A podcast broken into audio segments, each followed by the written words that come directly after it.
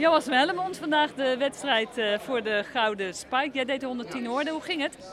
Ja, ik vond het op zich wel goed gaan. Ik vond het wel lastig. Het was, ik had veel wind tegen. En mijn start was ook niet echt het, wat, ik had, ge- wat ik had gehoopt. Maar ik kon op zich wel het tweede gedeelte lekker doorlopen. En uiteindelijk heb ik hem wel hard kunnen finishen. Dus op zich wel tevreden met de race. Maar net niet gewonnen. Nee, net niet gewonnen, 400ste, dat is net jammer. Het is altijd echt een hele onderlinge strijd tussen ons. Dus daarom, dat vind ik wel altijd heel leuk. Maar ja, dan wil je natuurlijk eigenlijk net winnen.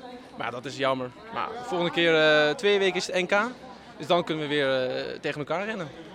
En dan hoop je hem te verslaan. Uiteraard. En eh, een maand daarna is het EK. Nou, dus dan, dat is het echte moment dat ik hem echt wil pakken. Dus NK is nog een beetje een generale repetitie. En dan EK gaan we het allemaal zien. Ja, want je hebt de limiet gelopen en vandaag geloof ik weer, hè? Ja, ik heb vandaag weer het limiet gelopen.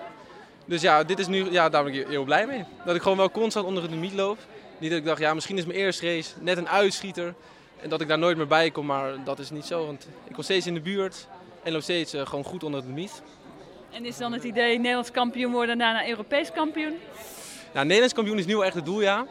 En Europees kampioen wordt wel heel lastig, want er is een jongen uit Oostenrijk, die loopt echt heel erg snel. Maar die lopen op grote hoogte. Dus eh, luchtweerstand is anders. nee, dus nou, het wordt wel een hele leuke strijd. Misschien, ja, als ik daar heel ik ben nou denk ik wel heel erg in vorm, hoop ik dan tenminste. En dan hij ook. Dan kunnen we gewoon een hele snelle race neerzetten. Dat hoop ik. In ieder geval, ja, ik ben heel blij in ieder geval ook dat het thuispubliek hier allemaal is. Dat mijn coaches hier zijn. Vanuit eh, van Leiden, maar ook uit Rotterdam. Van eh Marjan Olieslager, daar moet ik wel heel veel bedanken.